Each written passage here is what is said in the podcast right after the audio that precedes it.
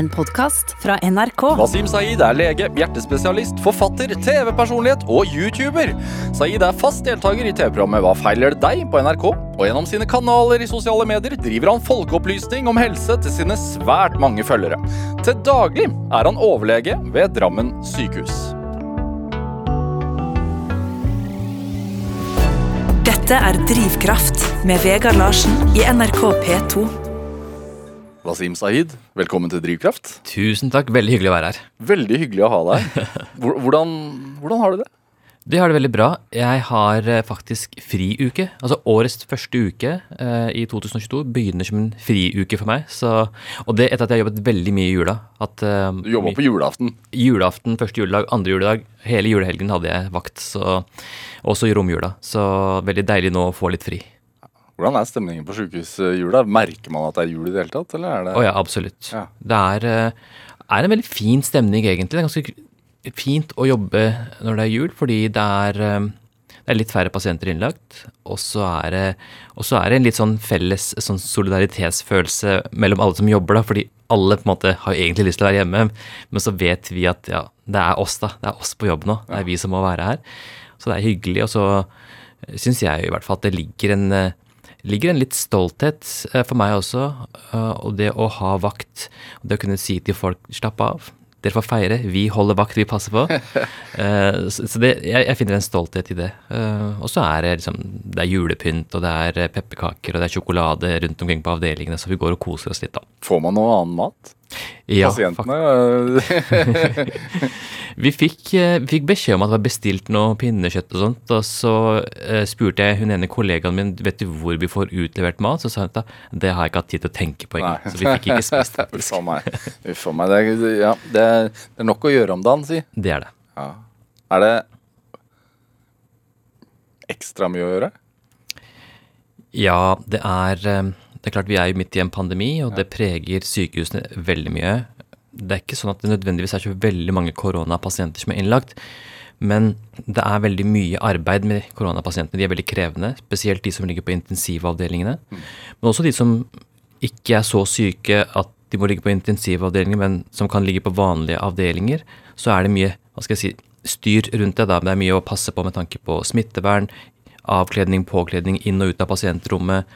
Så det er mye logistikk rundt det, og da blir det mye arbeid ut av det. Og så har vi i tillegg da de vanlige pasientene som vi også pleier å ha. Du, jo, du har vært en aktiv eh, vaksineforkjemper. Mm. eh, uttalt i aviser og vært liksom sterkt Ta vaksinene, har du sagt. Mm. Hvordan er det for deg da, rent personlig når det kommer inn koronapasienter som ikke har vaksinert seg bevisst? Ja.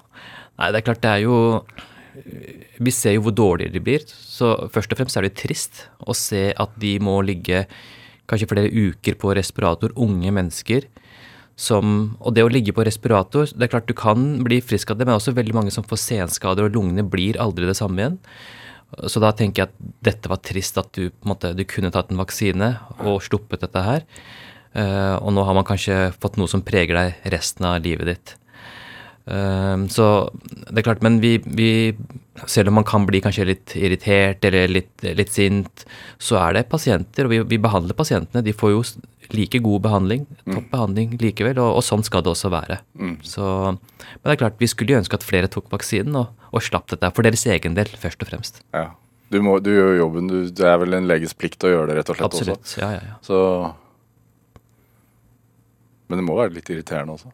Ja, jo, det er det. Og det, og det er jo litt, liksom etter hvert på sykehusene så er det jo litt sånn at uh, når det er morgenrapport og vakthavende lege rapporterer om pasientene som har vært innlagt, så, så sier hun f.eks. at ja, en eh, 40 år gammel kvinne som kommer inn med alvorlig covid, og spør de ja, vaksinestatus, nei, ikke vaksinert. Så ah, uff, ja, det er Det blir jo da tenker man at dette kunne vært unngått. Det er litt irriterende.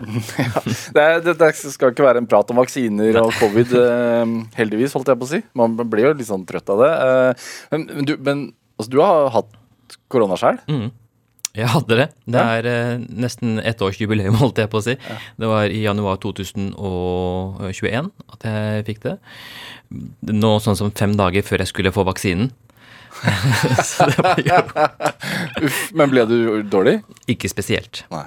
Eh, Jeg hadde Det var en litt forkjølelse pluss skråstrek influensa minus. Et sted imellom der. Spe ble ikke spesielt dårlig og var tilbake på jobben etter eh, de ti dagene jeg skulle være borte. Har du fått, fått igjen luktesans? Nei, altså luktesansen min ble jo øh, borte øh, dag to eller tre av øh, sykdommen. Og, og, det husker jeg veldig godt at kona drev og stekte rundstykker. Hun hadde jo også covid. Drev og stekte rundstykker, og jeg var litt sulten, så spurte jeg jeg skal du ikke sette det i ovnen snart, da? spurte jeg henne. så sa hun at jo, de er ferdigstekt, de. Fordi jeg var så vant med at da skal de lukte ferske rundstykker. Ja. Det, det, det er en lukt som jeg umiddelbart gjenkjenner. Og jeg trodde ikke på henne, Jeg måtte gå inn på kjøkkenet og se, og der lå det ferske rundstykker, men de luktet ingenting. da. Nei. Det var da jeg merket det.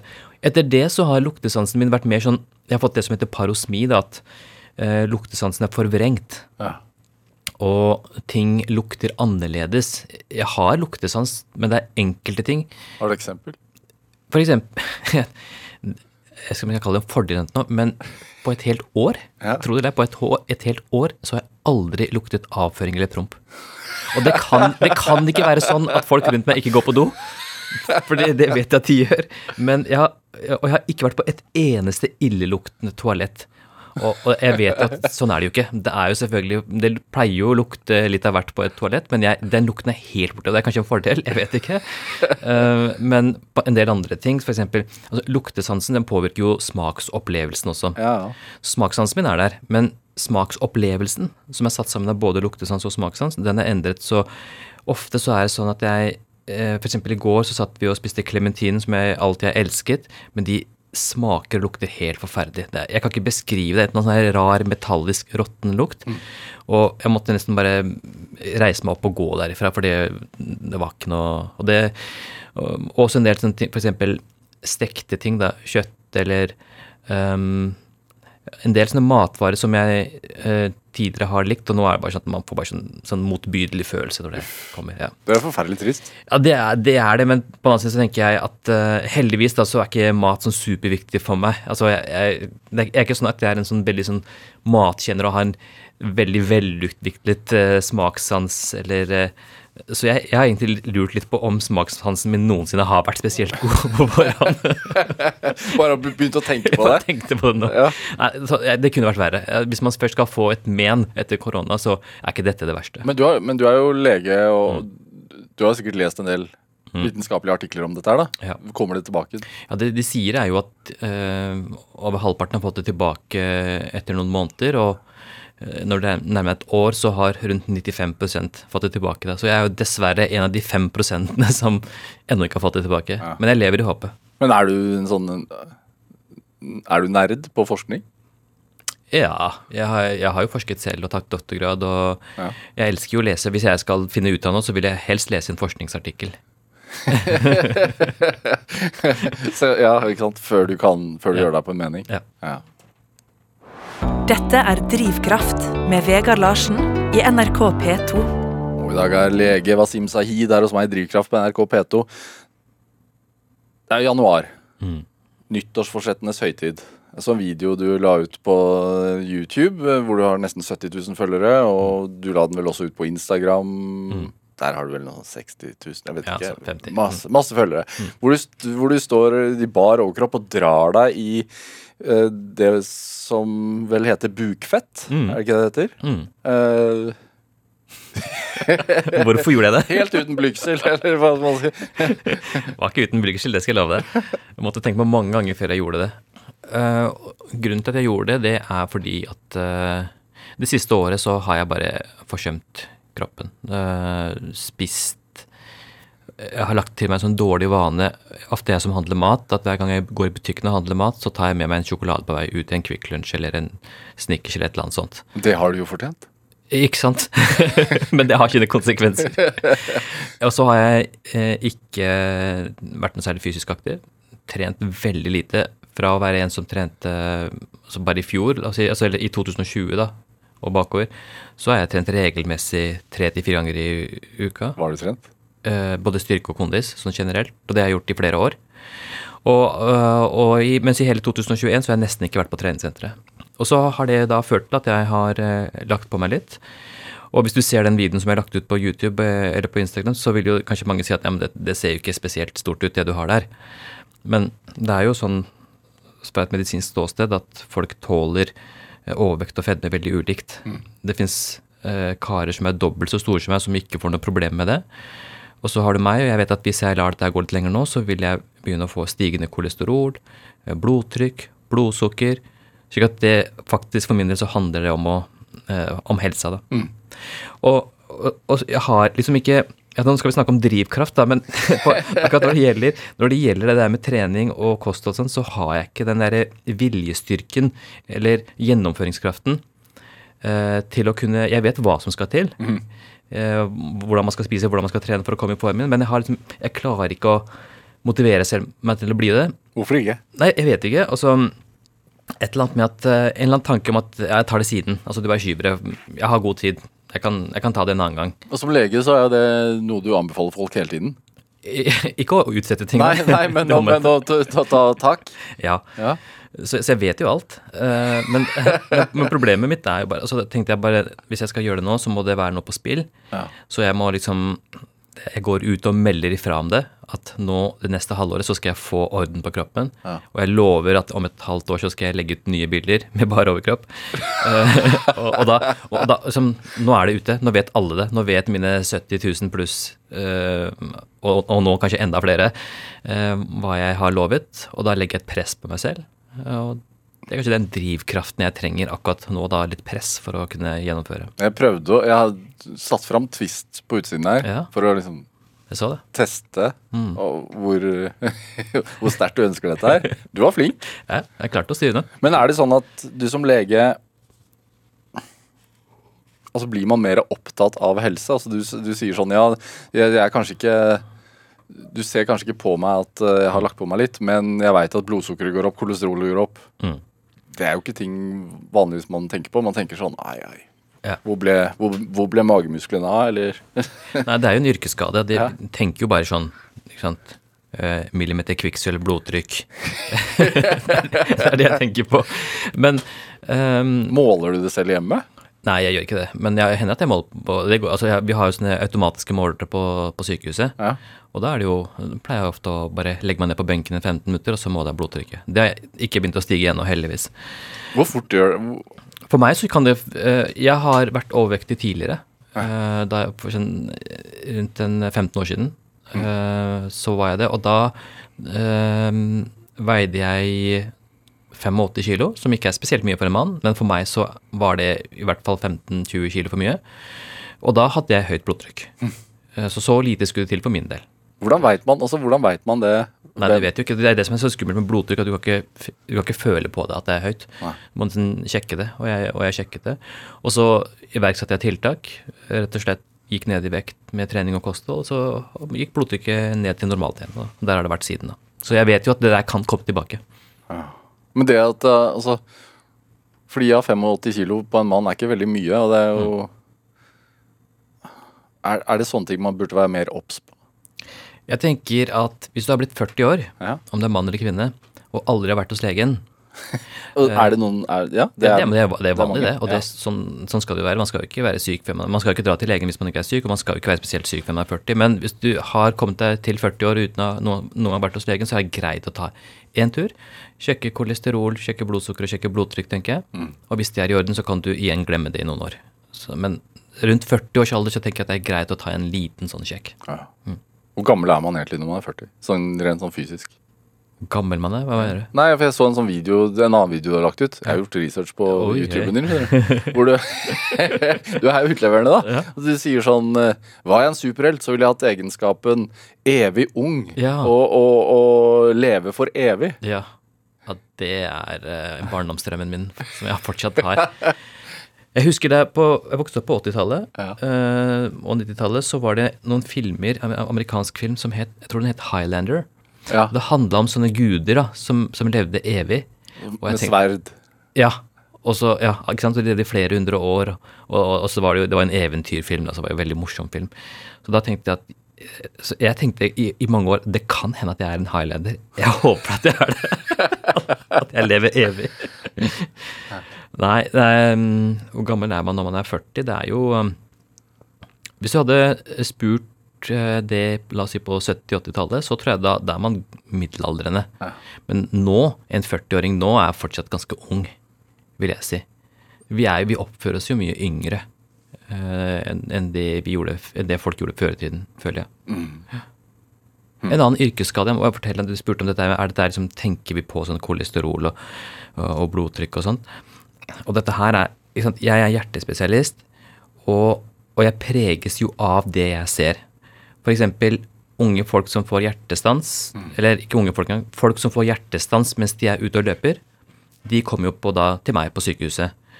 Og selv om det er ekstremt sjeldent, det skjer ekstremt sjeldent at noen faller om i, eh, i skogen eller i langrennsløypa, men når, de, når alle de kommer til meg, så ser jeg det relativt ofte, og det påvirker meg, og det har ført til, og det er ganske eh, trist å innrømme, men det har ført til at jeg trener ikke alene ute lenger.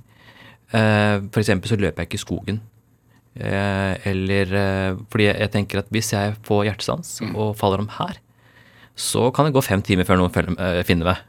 Ikke sant? Og da tenker jeg at da er det for seint. Yrkesskade, rett og slett. er rett og slett yrkesskade, og det er jo så irrasjonelt. For det skjer jo så utrolig sjelden at noen faller om i skogen og dør av hjertestans. Eh, så jeg liksom har lagt meg til at nå trener jeg helst på et treningssenter. Og hvis jeg får hjertestans, hvorfor skal jeg det, men hvis jeg får hjertestans, så er det i hvert fall folk rundt meg som kan ringe ambulanse eller begynne med hjerte-lungeredning, eller kanskje har de til og med et hjertestarterapparat der, da. Så man blir jo litt sånn uh, yrkesskade, faktisk. Men hvis man har med mobilen, da. Man har en sånn app man kan trykke på sånn en, en eh, Ja, Men hvis du har uh, mista bevisstheten, vet du, Ja. så er det jo over. Og det skjer ganske umiddelbart. Ja, hvis du får hjertestans, så mister du bevisstheten innen et par sekunder. Du rekker ikke å gjøre noe. Så For, Men, har, har men jeg må jo si at folk som nå hører på, må ikke tro at de ikke skal gå ut i Altså, jeg, jeg, jeg bare forteller om min irrasjonelle side her. det er trygt å gå gå ut i skogen. Du Skal ikke skape løpeskrekk. Nei, det er bra. Det er bra for hjertet å gå ut og løpe i skogen. Ja. Men er det har, har du fått et annet syn på liv og død? Etter mange år på et sykehus? Ja, det tror jeg absolutt. Og, og, det er ikke bare bra. En eh, nær bekjent av meg fikk et eh, Eller faren, faren hennes fikk et hjerteinfarkt. Og eh, for meg så er liksom hjerteinfarkt det er liksom, Hva er det for noe? Det er ingenting. Det behandler vi, tenker jeg. ikke sant? Vi, vi har, behandler jo ti hjerteinfarkter daglig. Eh, så eh, Mens for en som ikke er lege eller ikke jobber på sykehus, å ha en far som får hjerteinfarkt, det er på en måte kjempeskummelt. Eh, og jeg merket meg selv at jeg var veldig lite sensitiv i den samtalen. Eh, fordi ja, jeg, liksom, jeg fortsetter i den modusen at vi omtaler hjerteinfarkt som noe som nesten er banalt. Men for de som rammes, og for pårørende, så er det jo en kjempealvorlig livsendrende ting. Så absolutt. Det, man blir preget av å hele tiden omgås alvorlig sykdom og død, og det gir jo endrer perspektivet ditt på ting, da. Hvordan da? Det eksempelet jeg ga, det er det ene. Eh, men eh, du blir også veldig klar over hvor, hvor kjørt livet er. Eh, og eh, for eksempel så ser vi jo ikke sant, at i hvert fall ting som gjør veldig inntrykk på meg, er hvis det er en pappa som kommer inn og, og dør på sykehus, og fortsatt har eh, små barn eller, eller barn som er ungdommer, som jeg kan på en måte relatere meg til, for jeg har også barn som er ungdommer. Eh, og, og det å tenke jeg, jeg tenker Hvis jeg f.eks. hadde blitt borte, da, hvordan det dramatisk hadde endret livene til barna mine. Det er klart, De hadde jo fortsatt å leve, og de hadde eh, levd sine liv, og det hadde gått bra med dem, men um, det blir jo ikke det samme å leve uten en far. Uh, så, så jeg blitt, tenker veldig mye på, på måte, hvor kjørt livet er. Og, og det har i hvert fall fått meg i de siste årene til å prøve å, å verdsette livet mye mer. Hvordan og gjør du det? Spesielt i uh, bruke mest mulig tid å gjøre hyggelige ting med familien. Det er veldig viktig for meg. Og da tenker jeg spesielt på ferieturer. Eh, og det har vi ikke gjort selvfølgelig det siste halvannet år, men eh, reiser, restaurantbesøk, kinobesøk Altså alt som kan skape minner, da. Hyggelige minner sammen med barna mine eh, og kona mi. Det prøver jeg å gjøre mest mulig av. Tror du det er en lærdom mange har tatt til seg også under pandemi? Eh, ja, kanskje. Nå har jo kanskje veldig mange vært, vel, vært mye sammen under pandemien også, så kanskje jeg har blitt lei av hverandre.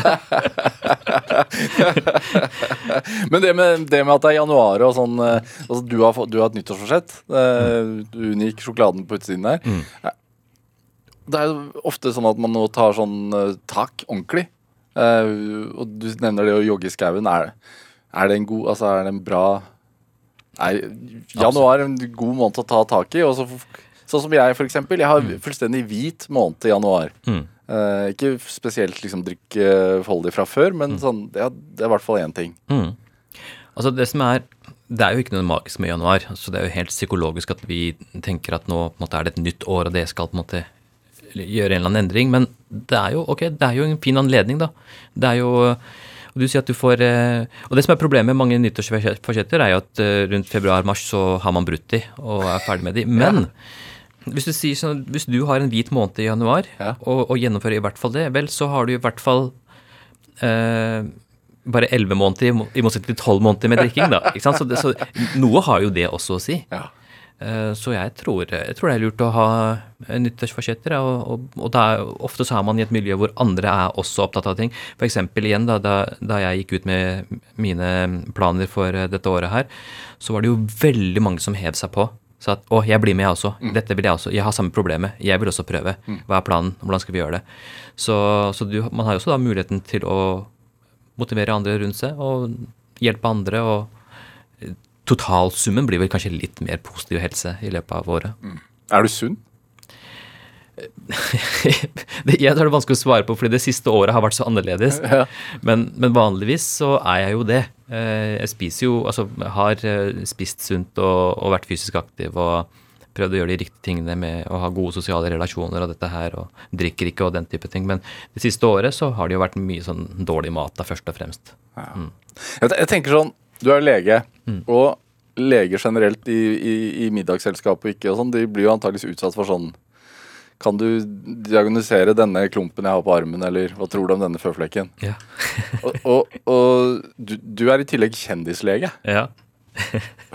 Hvordan er det? Altså, Kan du stå i en kø på posten uten at noen spør om en verk en fot? Vet du, øh, det, ja, det kan jeg. Fordi ute så gjør ikke folk det. Men jeg blir veldig ofte gjenkjent Ja. på, på handlesenteret eller i butikken av folk jeg ikke kjenner. Og det syns jeg er superhyggelig hver gang. Fordi Og det også egentlig Vi kan snakke om den, den drivkraften min, som er en av de årsakene. Veldig ofte så f.eks. på Sandvika Storsenter, som er mitt lokale senter, hvis jeg er der, så kommer det unge gutter og jenter bort til meg, 18-19-20 år, gjerne med um, Altså jeg kan si at de har en etnisk annen opprinnelse enn en norsk, da, at de eh, har en eller annen innvandrerbakgrunn. De er norske. Uh, som kommer bort til meg, og som sier at uh, Vet du, uh, jeg syns det er så bra det du driver med. Eh, og jeg blir så stolt når, du, når jeg ser deg på TV. Og eh, takk for at du er til, og jeg er så stolt av det. Altså, de bare overøser deg med den type ting. Og jeg får jo tårer i øynene. Jeg merker på meg selv nå også at jeg blir rørt når jeg snakker om dette. Fordi um, jeg tror det er en del uh, ungdommer med, uh, med en hva skal, man kalle det, en innvandrerbakgrunn, da, uh, som, som sårt trenger å ha noe å se opp til, som, som setter veldig pris på at det er noen av deres egne i anførselstegn som, som gjør det bra, som de kan være stolte av. Fordi det er så mye negativitet. Man snakker alltid om liksom, problemene i innvandrerbefolkningen og ikke lar det seg vaksinere og faller ut i skolen og gjør det ikke bra. Altså, det er, man, man hører såpass mange negative ting at når de da ser at oi, ok, det er en som ser ut som meg, som på en måte har kommet fra litt samme bakgrunn som meg, som gjør det bra, eh, og, og da får jeg bare lyst til å bare gjøre det enda bedre for dem, for at de skal ha noe å være stolt over. Dette er Drivkraft med Vegard Larsen i NRK P2. Og i dag er lege Wasim Sahid her hos meg i Drivkraft på NRK P2. Du er fra uh, Hovseter Mm. eh, i Oslo. Yes. Hva slags plass er Hovseter? Hovseter ligger på vestkanten i Oslo, men det er en sånn blokkenklave midt i på en måte villaområdene der. Så det er jo, kalles jo da for østkant, vestkantens østkant. Ja. Er det riktig? Ja, det var, altså, da jeg vokste opp der på 80-tallet, så var Hovseter et belastet område. Det var en del eh, narkotika, sosiale problemer, alkohol, kriminalitet.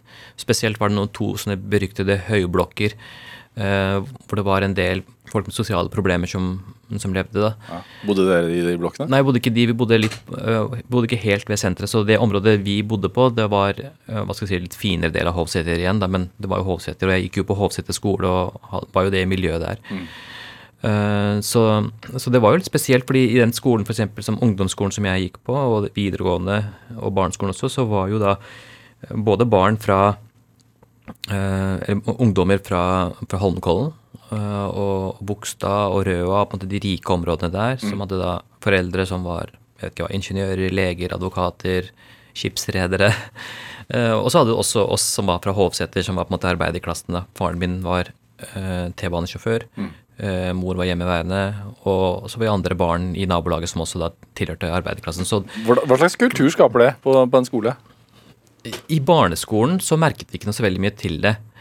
Jeg begynte å merke det litt mer på ungdomsskolen, og da var det sånn typisk uh, hva slags ja, klær man hadde, hvor mye penger man hadde. Og, og spesielt da på videregående skole uh, så merket jeg at det var en forskjell. Hva slags klær hadde du, da?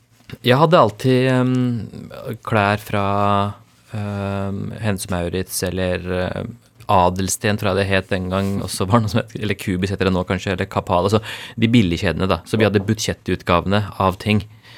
Uh, Hva mens- drømte du om å ha, da? Jeg drømte faktisk det de andre hadde. F.eks. På, på videregående skole så var det jo mange som gikk med Gant, eksempel, som var et dyrt merke. Som for meg fortsatt er såpass dyrt at jeg aldri kjøper det. Men da var det som, Eller Ralph Lauren hadde de også sånne poloskjorter. Ja. men jeg eh, drømte aldri om at dette var noe jeg skulle gå med.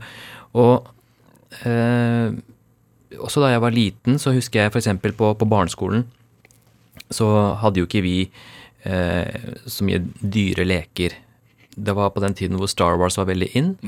eh, og det var eh, andre gutter i klassen min som hadde da sånne små figurer med romskip og, og eh, sånne actionfigurer og sånt fra Star Wars. eh, som jeg syns var Jeg var bare så betatt av det. Jeg syns det så så stilig ut, og alt i miniatyrutgave og sånt. Men min Og dette høres litt stakkarslig ut, men eh, min glede, det var å se han andre gutten leke med det. Så det, det, var, da jeg, det var min tilfredsstillelse. Det var nok for meg å bare se at han satt og lekte med det, og jeg kunne bare se, følge med litt fra avstand. Så fikk jeg på en måte også opplevelsen av å ha, på være i nærheten av det. da. Men vi maste aldri på foreldrene våre om å få det. Var du introvert som barn? Eller var du sjenert? Veld, veldig stille og sjenert og Um, Husk meg egentlig mest som et litt sånn trist barn. Eh, av en eller annen grunn var jeg ofte lei meg. Jeg vet ikke hvorfor. Men um, som også Følsom, liksom? følsom, veldig følsom, men som ikke delte tankene sine. Så jeg snakket Og jeg tenker på, det er så dumt. Jeg kunne sikkert fått hjelp til veldig mange ting av foreldrene mine hvis jeg bare hadde snakket med dem om det. Ja. Hva, tenk, hva slags ting? Nei, eksempel hvis det var noe som plaget meg på skolen, erting eller mobbing, eller, eller hvis jeg følte at jeg hadde lyst på noe, eller Men jeg hadde hele tiden en sånn tanke om at jeg, jeg må ikke plage andre med mine ting. Mm. og og også alle, egentlig, vi søsken, vi var sånn at vi hadde en forståelse at ok, foreldrene våre har ikke så gode råd, selv om de aldri sa til oss at nei, du kan ikke ønske deg ting, og sånt, men vi hadde bare en eller annen sånn forståelse av det. Vi var egentlig veldig snille barn, jeg tenker meg om. Hvor mange søsken? Vi var fire stykker. Ja. Så vi, eh, så vi bare aksepterte at sånn var vår situasjon. Hvor er du i Jeg er nummer to. Du er nummer to. Mm. Jeg har en eldre søster, så er det meg. Så har jeg en yngre bror og en yngre søster. Hvor, snakket urdu hjemme? Ja, Ja, vi snakket urdu. Eh, Det var det foreldrene våre lærte oss. Fordi planen til foreldrene mine, det var jo ikke å bli boende i Norge. Far kom hit i 1972 og mor i 1973. Og planen deres, det var å samle sammen litt penger og reise tilbake og eh, bygge livene sine i Pakistan. Men så ble det jo bare her. Eh, Hvorfor det, tror du? Nei, det var sikkert eh, vanskelig. Man fikk vel aldri spart nok penger til å kunne reise tilbake. Og etter hvert som vi ble født og begynte på skole og sånn, så, så var vi jo låst. så vi lærte urdu først, da. Og da jeg begynte på barneskolen, husker jeg, i, eh, i første klasse, så kunne jeg ikke norsk. Eh, jeg kunne urdu, hadde lært litt engelsk av foreldrene mine, men jeg kunne ikke norsk. Så vi ble plassert i en sånn spesialklasse hvor vi måtte gå det første året for å først lære norsk. Og i andre klasse så kom jeg inn i da min ordinære klasse. Og det var også litt spesielt, fordi da hadde på en måte de sosiale eh, grupperingene allerede satt seg i klassen. Og det var veldig vanskelig å komme utenfra da og, og få venner i den nye klassen. da. Ja. Og det preget egentlig hele barneskolen, men jeg kom aldri sånn ordentlig inn i Kanskje, kanskje akkurat det siste året så begynte jeg gradvis å finne min plass. Men såpass mye betød det at det var veldig vanskelig da å komme inn i en sånn klasse utenfra. Ja. Hvor vanlig er det, altså var den måten å Det var vel sånn det var den gang, og, men jeg tenker at det var jo sånn de måtte gjøre det. Vi kunne jo ikke fungert i en norskklasse, altså i en klasse med norske elever hvis vi ikke kunne språket. Nei. Så vi måtte bruke det første året for å kunne lese og snakke og Ja. ja. Tror du det Altså det er jo en utfordring, selvfølgelig, som ung og ikke kunne språket selv om du er født og oppvokst der. Mm. Eh, men fikk du noe igjen for det også? Altså sånn Har du lært deg selv bedre å kjenne på et vis, eller? Ja, altså, Det må jo være en kjempeutfordring, tenker jeg, men Ja, det er jo det. Så det, du får en utfordring, og så må du klare deg selv. Så, du, du vokser jo på det. ja. Helt klart. Og jeg vil jo si at eh, jeg er jo veldig glad for at foreldrene mine lærte meg urdu. At jeg kan et ekstra språk. Ja. Eh, så jeg fikk jo en ekstra ferdighet. Det gjorde jeg. Er det Hva er det viktigste, bortsett fra udu, du har lært av moren og faren din? Ja, hva er det? Det må vel være at eh, Jeg tror det er eh, moral, da. Faren min var veldig opptatt av ærlig arbeid. Ærlig og hardt arbeid. Skulle aldri Han var sånn som aldri tok en sykemeldingsdag i sin karriere som T-banesjåfør. Eh, fordi for han så var det som at arbeid og hardt arbeid og slit, det er et gode. Det, det, det skal man gjøre. Det er sånn man bygger livet sitt. Så, og så var han også veldig opptatt av at det skulle aldri være noe juks med noe penger eller økonomien. Alt skulle være helt på stell. Eh, Det var jo andre av hans bekjente som kanskje eh, drev med eh, forretning eller et eller annet sånt, eller, eller drosjer, og som kanskje trikset og mikset litt med skatt og den type ting. Men for han så var det sånn herre Nei, det å være ærlig med økonomien og pengene og arbeidet, det var veldig, veldig viktig. Og det er nok noe som er instillert i oss også. Ehm, så for meg så er det også det, det å jobbe det å bli sliten etter en arbeidsdag, det, det ser jeg på som et gode. Det er en god følelse, og, fordi da har man på en måte gjort noe nyttig Nyttig for overfor for andre. ja. Eh, Hvordan er det å komme til deg og spørre om å få sykemelding? Jo, men det, det er ikke noe problem. Det er ikke noe problem. i Det, hele tatt. det, er ikke, er sånn at jeg har sånn sånn moraliserende om at nei, du bør kunne gå på jobb. Det sier jeg aldri. Sitter langt inne. Nei, jeg- um, vi skal spille litt musikk. Ja. Um, du har med en Green Day-låt, eh, Wasim Saeed. Ja. Hva, fortell. Nei, den låta er Den heter Good Riddance, eh, og den er så fin fordi den oppsummerer for meg mye av livet, nemlig at livet er litt sånn uforutsigbart, og det er en del tilfeldigheter som avgjør hvor du havner. Og så har livet utfordringer og prøvelser som vi da bare må prøve å ta som læring og, og, og vokse på. Og så er det et håp i den, den sangen. er litt trist, men det er også et håp i den sangen, fordi han sier at It's unpredictable, but in the end it's right. Altså, så går det bra likevel til slutt, da, selv om du på en måte kastes frem og tilbake i, gjennom livets reise. Når er det den begynte å bety noe for deg? da? Eh, Jeg husker da den kom ut, så Men i hvert fall, jeg, spilte den mye da jeg fikk, eh, hadde små barn. Eh, De første sønnene mine, da de var liksom ett, to, tre år. Eh, og, og det har også noe med at ja, da hadde jeg på en måte Det var en sånn følsom tid, og du har mye følelser i deg, og du har omsorg og beskyttelsesbehov for- overfor barna dine. Uh, og, og den sangen er jo, når, når lytterne hører den, er jo veldig rørende, så jeg hørte veldig mye på den på den tiden. Og hvis jeg spiller den nå, så pleier barna mine å si at å, jeg husker vi da vi skulle legge oss, så pleide å spille den for å få oss til å sove.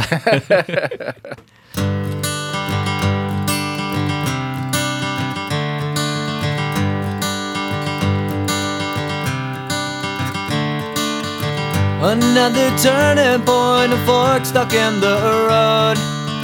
Time grabs you by the wrist, directs you where to go. So make the best of this test and don't ask why. It's not a question, but a lesson learned in time. It's something unpredictable, but in the end is right. I hope you had the time of your life.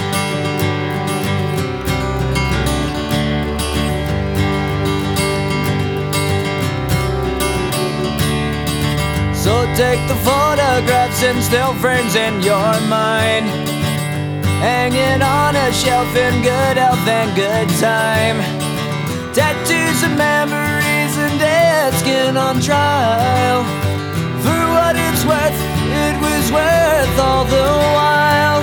It's something unpredictable, but in the end is right. I hope you had the time of your life.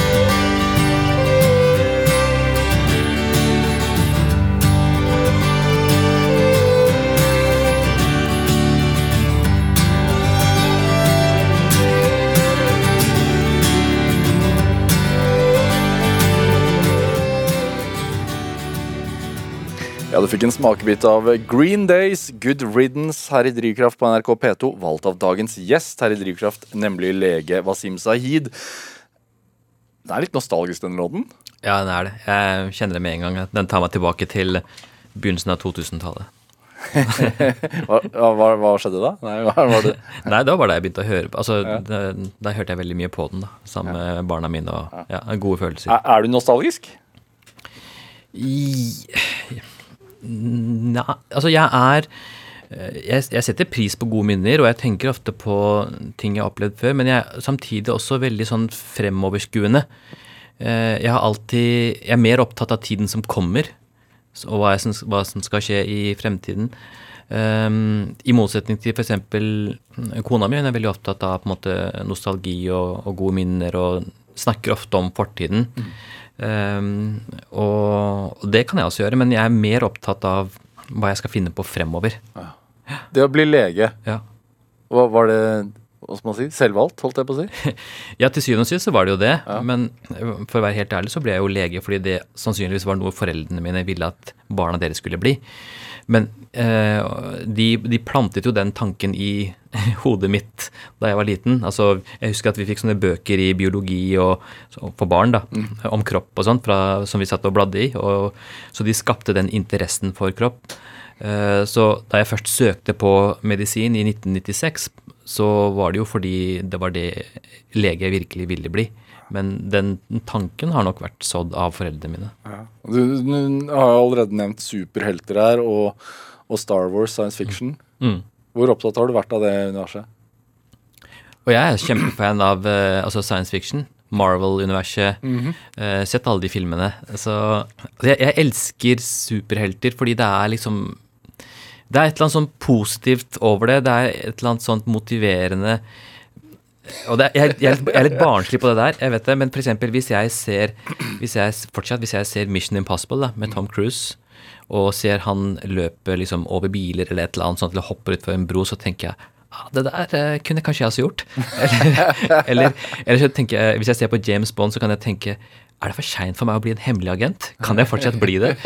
Jeg syns det bare er så på en måte jeg, når jeg ser eventyrfilmer, så på en måte hiver jeg meg selv i det. Jeg vil bare ta på meg selv i det og ha den fulle opplevelsen og ønske at det er virkelig. og jeg, skulle, jeg skulle ønske at jeg kunne være Iron Man, f.eks. Hatt et sånt fint hus oppe i en ås med masse teknologi og en sånn drakt som jeg kunne bare ta på meg og fly rundt omkring.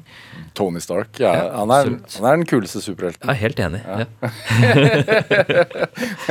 Ja, men er det, det dette da, altså den gleden over det, den science fiction, slags vitenskapsfokus, da. Mm. Jeg tenker da lege er jo det nærmeste du kan altså, du kan bli da, for å være en slags superhelt. Er det, føler du noen ganger at du er det? Nei, egentlig ikke i det hele tatt. Fordi eh, det er, jeg har mange venner som ikke er leger, og de sier sånn at å, det er så fantastisk at liksom, du redder liv, og tenk uh, hvor heldig du er som gjør sånne ting for andre mennesker. Men jeg, jeg tenker bare ja, det er ikke så stort. Hvis ikke jeg hadde vært på jobb den dagen, så hadde jo noen andre gjort den samme jobben. Altså, det er jo det er, ikke jeg sånn at jeg er den eneste legen på Drammen sykehus, det er, det er jo mange leger rundt omkring. Så jeg, jeg føler ikke det at det er Men det er klart, det er en veldig god følelse å i, en gang iblant ha reddet et liv. Det er det. Uh, og den takknemligheten man kan få fra pårørende eller fra pasienten selv når de setter pris på det de har gjort, det er en veldig god følelse. Men Men føl... Ja, de, de pasientene som jeg, jeg føler ofte at sånne, hvis man skal kalle det sine medi, medisinske triumfer, da, sånne seire, sånne heltemodige inngrep eller et eller annet som på en måte er akutt livreddende, det har du glede av eh, kanskje der og da og i noen dager etterpå, men de pasientene som du virkelig husker, de som blir hos deg år etter år, det er de du aldri klarte å hjelpe. Eh, de livene du ikke klarte å redde. Eh, pasienter som du mistet.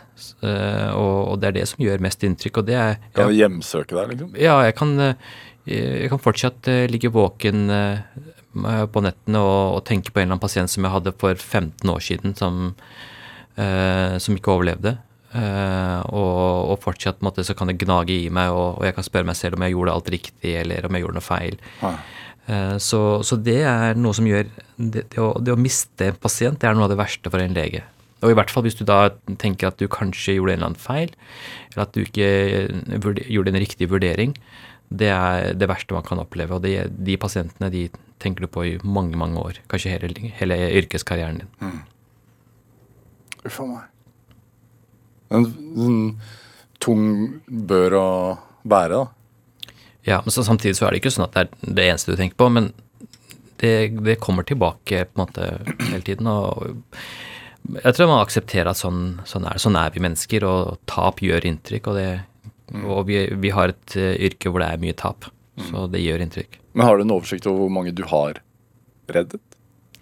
Nei, det har jeg ikke. Det er, altså det er jo veldig forskjell på ikke sant? Og klart, Hvis det kommer en pasient med en alvorlig lungebetennelse, og du setter i gang en penicillinbehandling, så vil jo den pasienten bli reddet. Ja.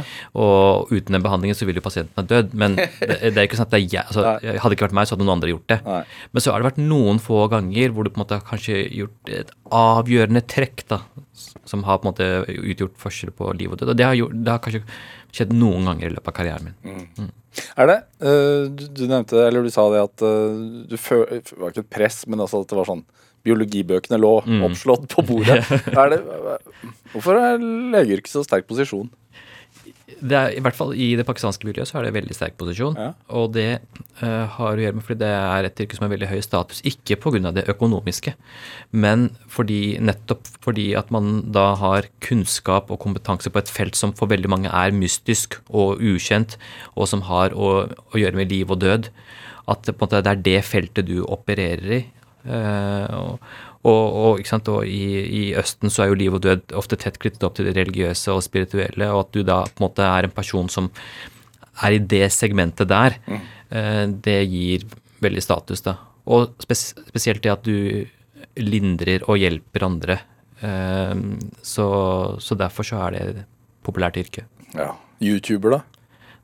YouTuber er Hvor populært er det yrket? I, I Pakistan nå så er det voldsomt populært. I, i, i Pakistan så var YouTube forbudt i noen år, vet du. Ja, okay. Fordi det var noen sånne greier om noen sånn eh, film om Mohammed og sånt. Ja. Så de, de banna hele YouTube. Men så, da det så startet igjen i 2016, og sånt nå, så eksploderte det i Pakistan. For det var jo massevis av kreative folk som da begynte å lage innhold og la ut og eh, og så, den pakistanske YouTube-scenen er jo på en måte toppklasse nå, faktisk. Ja, men hva, hva er det som får deg, altså sånn relativt voksen mann, da, til å tenke sånn YouTube, jeg skal ha min egen kanal, skal, folk skal være øh, abonnenter hos meg på YouTube, øh, jeg skal legge ut en video titt og ofte. Det Og er, ikke bare YouTube, men Twitter. Du ble jo Ja. kalt Twitter-legen en periode, Ja. og det er en sånn greie i meg som jeg noen ganger må le litt av, eh, som kona mi også ler veldig mye av. Det er at eh, det er en sånn, sånn selvtillit som gjør at jeg er ikke så opptatt av om det jeg skal gjøre, nå gjøre går bra eller ikke, men hvor bra jeg kommer til å gjøre det. Det er, det er der jeg ofte pleier å tenke. Så da jeg startet med YouTube, så var ikke spørsmålet om jeg skulle lykkes eller ikke, men hvor godt jeg skulle lykkes. Eh, så det er det ene. Men jeg syns, eh, jeg syns formidling er veldig gøy. Ja. Eh, det må jeg bare si. Hver gang fortsatt så er det sånn hvis jeg leser en spennende artikkel, eller ser en spennende TV-serie eller dokumentar, eller hva som helst, min første tanke er å, dette må andre få høre om, for dette syns sikkert de også er gøy. Eh, Så jeg er veldig opptatt Jeg, jeg får en sånn glede av det, da. Eh, Og så er jeg veldig opptatt av å eh, kommunisere på en slik måte at det jeg formidler, skal tas imot av mottakeren, og ikke bare tas imot, men vedkommende skal forstå det og nyttiggjøre seg av det for å gjøre noe positivt for seg selv. Så jeg er veldig opptatt av å formidle på en sånn måte at hvem som helst kan forstå det jeg snakker om. Så det, det, og det får jeg muligheten til gjennom sosiale medier, så det er gøy. Er det forfengelighet også? Ja, og det tror jeg eh, da vi gjorde research til dette programmet her, da, da din assistent ringte meg, så, eh, så tenkte jeg litt igjennom hva er det som er min drivkraft. Og siden jeg har en sånn eh, sånn strukturert hjerne, så satte jeg opp tre punkter. og punkt én og to har vi snakket om allerede. men punkt tre, det er Hva var punkt én og to? ja, punkt én og to, det er jo altså formidling. Ja. Og punkt to er dette her med på en måte å være et forbilde. Ja. Eh, spesielt for minoritetsungdommer eh, og mine barn. Og punkt tre, som jeg tror veldig få er villige til å innrømme, det er jo dette ønsket om å være noen. Ønsket om å være kjent, og bli gjenkjent.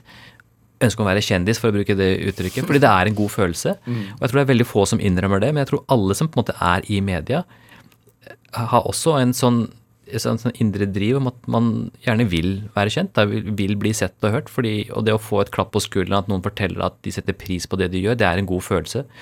Så, så punkt tre er dopamin. Altså den derre dopaminfølelsen. Den er altså en viktig drivkraft. Ja. Jeg liker at du har den liksom vitenskapelige begrunnelsen. Er, det er ikke bli kjendis, det er dopaminet det dopamin. skaper. Men er det, har det forandret deg på noe vis, tror du? Ja, det må de ha gjort. Utvilsomt. Eh, Jeg, i hvert fall en ting som Og det er ikke alltid like lett å selv eh, vite det, men eh, jeg vet jo såpass mye om den menneskelige hjernen og psyken at ting påvirker det. Men jeg, jeg vil jo si at mange som ser meg nå, at jeg kan sitte på YouTube og snakke rett inn i kamera med stor selvtillit, eller holde foredrag, eller gå på radio eller TV, og ikke ha noe problem med det, det er ikke naturlig for meg i det hele tatt. For sånn som jeg har vært inne på, så var jeg et veldig sjenert barn. Jeg, eh, hvis jeg f.eks. hadde tenkt å ta ordet i klassen da, og svare på et eller annet spørsmål fra læreren, så var det sånn at i flere minutter i forkant så begynte jeg å på en måte gire meg opp, og jeg fikk høy puls og sånn varme som brer seg opp, og du blir svett og nervøs. Og når du da endelig begynner å snakke, så sprekker stemmen din, og du snubler litt i ordene. Eh, Så, så det å snakke i forsømlinger, det er på en måte veldig ubehagelig for meg.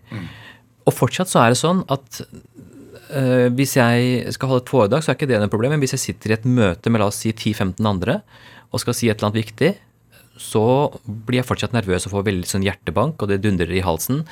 Og blir litt sånn spak i stemmen, og, og så skjer det et eller annet med SKJ-lyden min som, når jeg skal begynne å snakke.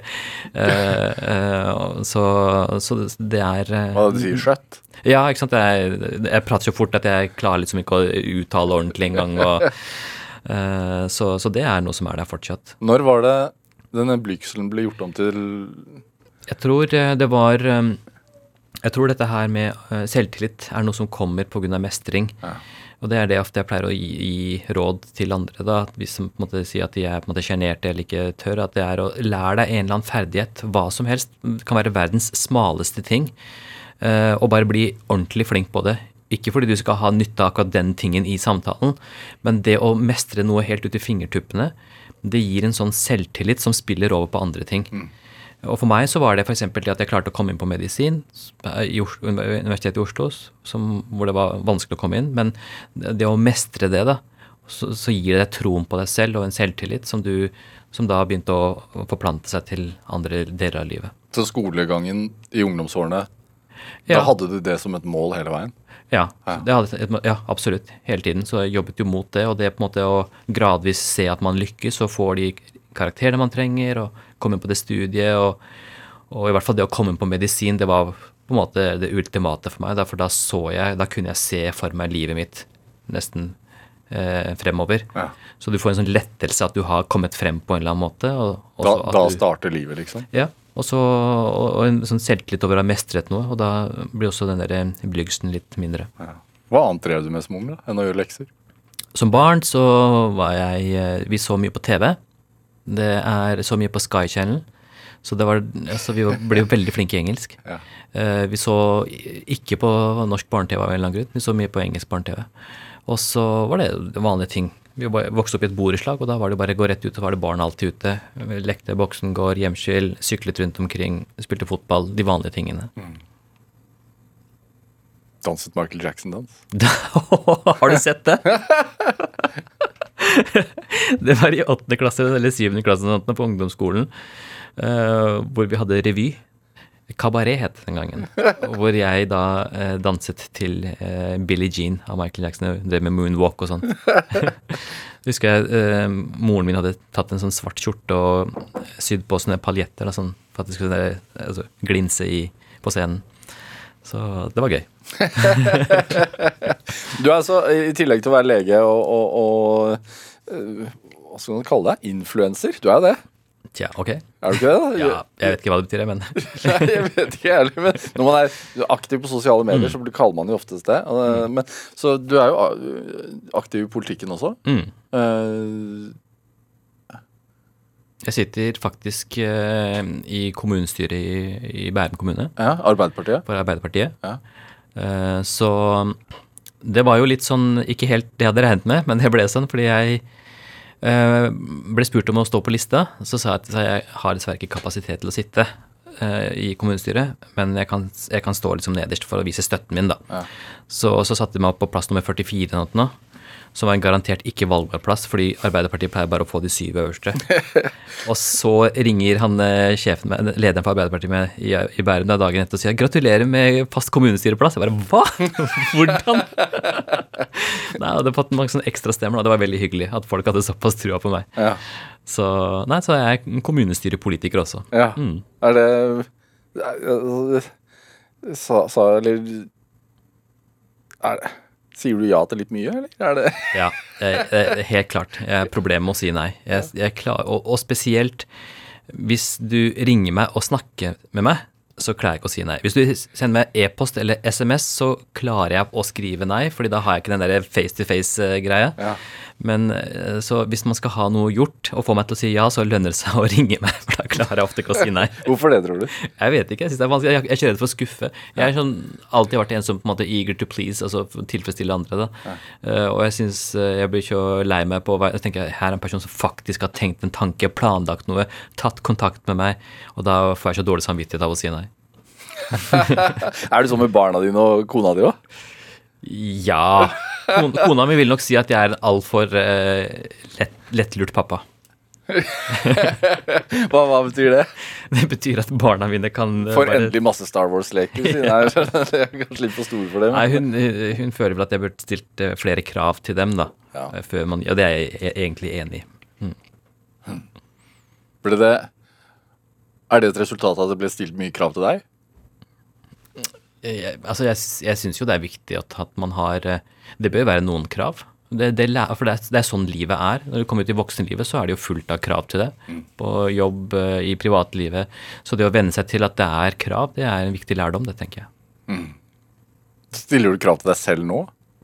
Ja, ja. Hele tiden. Jeg setter hele tiden mål for hva jeg skal gjøre. Eh, for eksempel at fortsatt har jeg planer om at YouTube-kanalen skal vokse ytterligere. Jeg skal ekspandere, jeg skal gjøre nye ting på den. Jeg skal drive mer med formidling. eh, og, og også da personlige krav om at ting f.eks. at jeg skal lese så og så mange bøker i løpet av året. eh, eller trene så og så mye. Så ja, stiller hele tiden Har hele tiden krav og mål. Men er du hard da, mot deg selv, hvis du ikke når de målene? Nei, det, det er jeg ikke, men eh, Nei, ikke, det er ikke, ikke sånn at jeg straffer meg selv, men jeg kan bli skuffet. Men min måte å takle skuffelse på er å tenke at eh, da må man bare prøve enda hardere. Lage nye planer. Justere kursen. For, eh, I mitt hode så er det aldri for sent. Det går alltid et tog. Jeg, det, det er, jeg, jeg er aldri sånn at jeg tenker at ok, nei, da er det bare å gi opp. Jeg vil heller tenke at ok, nei, da må vi bare endre litt, og så må vi prøve en litt annen retning. Vi må fortsette. Ja. Det med YouTube og Er det Kommer du liksom til å slutte å være lege etter hvert, og så bare bli YouTuber? Nei, aldri. Eh, til tross for at jeg gjør veldig mye. Ja. Jeg er på TV og radio nå og på YouTube, så Ja. er på en måte mitt hovedvirke det er å være hos pasienten ved pasientsengen. Og det er det jeg er flinkest til. Og det, det eh, å være lege, det er en del av identiteten. Du har skrevet bok om Ja, Om- det å være lege Og... det, og så det, det kommer jeg aldri til å slutte med. Eh, Ja, når jeg blir pensjonist, så må jeg jo slutte med det, men, men eh, det er ikke sånn at jeg kommer til å noensinne satse på noe annet fremfor å være lege. Nei, Alt, alt annet kommer til å være ved siden av. sekundært. Mm. Ja. Fordi at det å hjelpe andre er så viktig. Ja, nei, det er det, altså, jeg, jeg må bare si det, det er, det, det er verdens beste yrke for meg. Men jeg hørte at faren din er fan da, Ja, av YouTube-videoen din. ja han er kjempefan. Han er skikkelig kul. Han er jo 80 år snart, Ja. og han følger med på alle videoene mine. Og han er sånn som driver og holder tellinga på subscriber-counten min. Han går inn og sjekker Han er, han er inne på Social Blade Ja. og sjekker kontoen min for å se liksom hvordan eh, og hvor mange subscribers jeg, og abonnenter jeg får. Da. Så ringer han meg og sier ja, nå ser jeg at nå har det gått opp med 1000, og det er kjempebra og sånt, og nå kommer folk. Og, og det er kjempegøy, syns jeg. hva, hva med barna dine, da? Barna mine syns det er også gøy, fordi de får hele tiden tilbakemeldinger fra eh, skolekamerater om at «Ah, så faren din, dette, jeg lærte noe nytt der'. Han er, og jeg er på TikTok også, vet du. Er du? Ja, ja. Men, men eh, ikke, som en dans, ikke som en danser og sånt. Eh, Men Michael Jackson? nei, ikke noe eh, sånt nå. nei. Det er, eh, det er helseinformasjon. Og så når de får tilbakemelding om at de syns at faren deres var kul, så blir de faktisk stolte. Så det syns jeg er gøy. Men den dagen de tenker, føler at at jeg gjør dem forlegen, da skal jeg slutte. Da gidder jeg ikke. Men har du opplevd at du, at du har faktisk eh, hjulpet noen med Ja. den helseinformasjonen på sosiale medier? Ja, og egentlig uten å forstå hvorfor, så har jeg fått tilbakemeldinger om folk som har sagt Jeg, jeg har fått ofte melding om at vet du, du forandret livet mitt, eller det du sa, det betydde så mye for meg, og at uh, takk for at du sa, satte fokus på det. og og det er en helt utrolig følelse at en vilt fremmed sender en melding på Twitter på privat om, og forteller at, forteller at du forandret livet mitt. Så tenkte jeg bare det kan ikke stemme. Eh, men så mye har det betydd for den personen. da. Og da tenker jeg bare, det er, Når når man får sånne meldinger, så er alt strevet verdt det. For det er mye styr å drive på med sosiale medier. Det er veldig mye Ja, det er fulltidsjobb seg selv. Du, Wasim Saeed, tusen takk for at du kom hit til Drivkraft. Bare hyggelig. Takk for at jeg fikk komme. Hør eh, flere samtaler i Drivkraft på nrk.no eller i appen NRK Radio. Send oss gjerne ris og ros og tips til mennesker du mener har drivkraft. Send en e-posten til drivkraft, krøllalfa, nrk.no. Vi hører gjerne fra deg. Produsent i dag var Heidi Andersen. Guro Aasholm bidro også med research. Du har hørt en podkast fra NRK. Hør flere podkaster og din NRK-kanal i appen NRK Radio.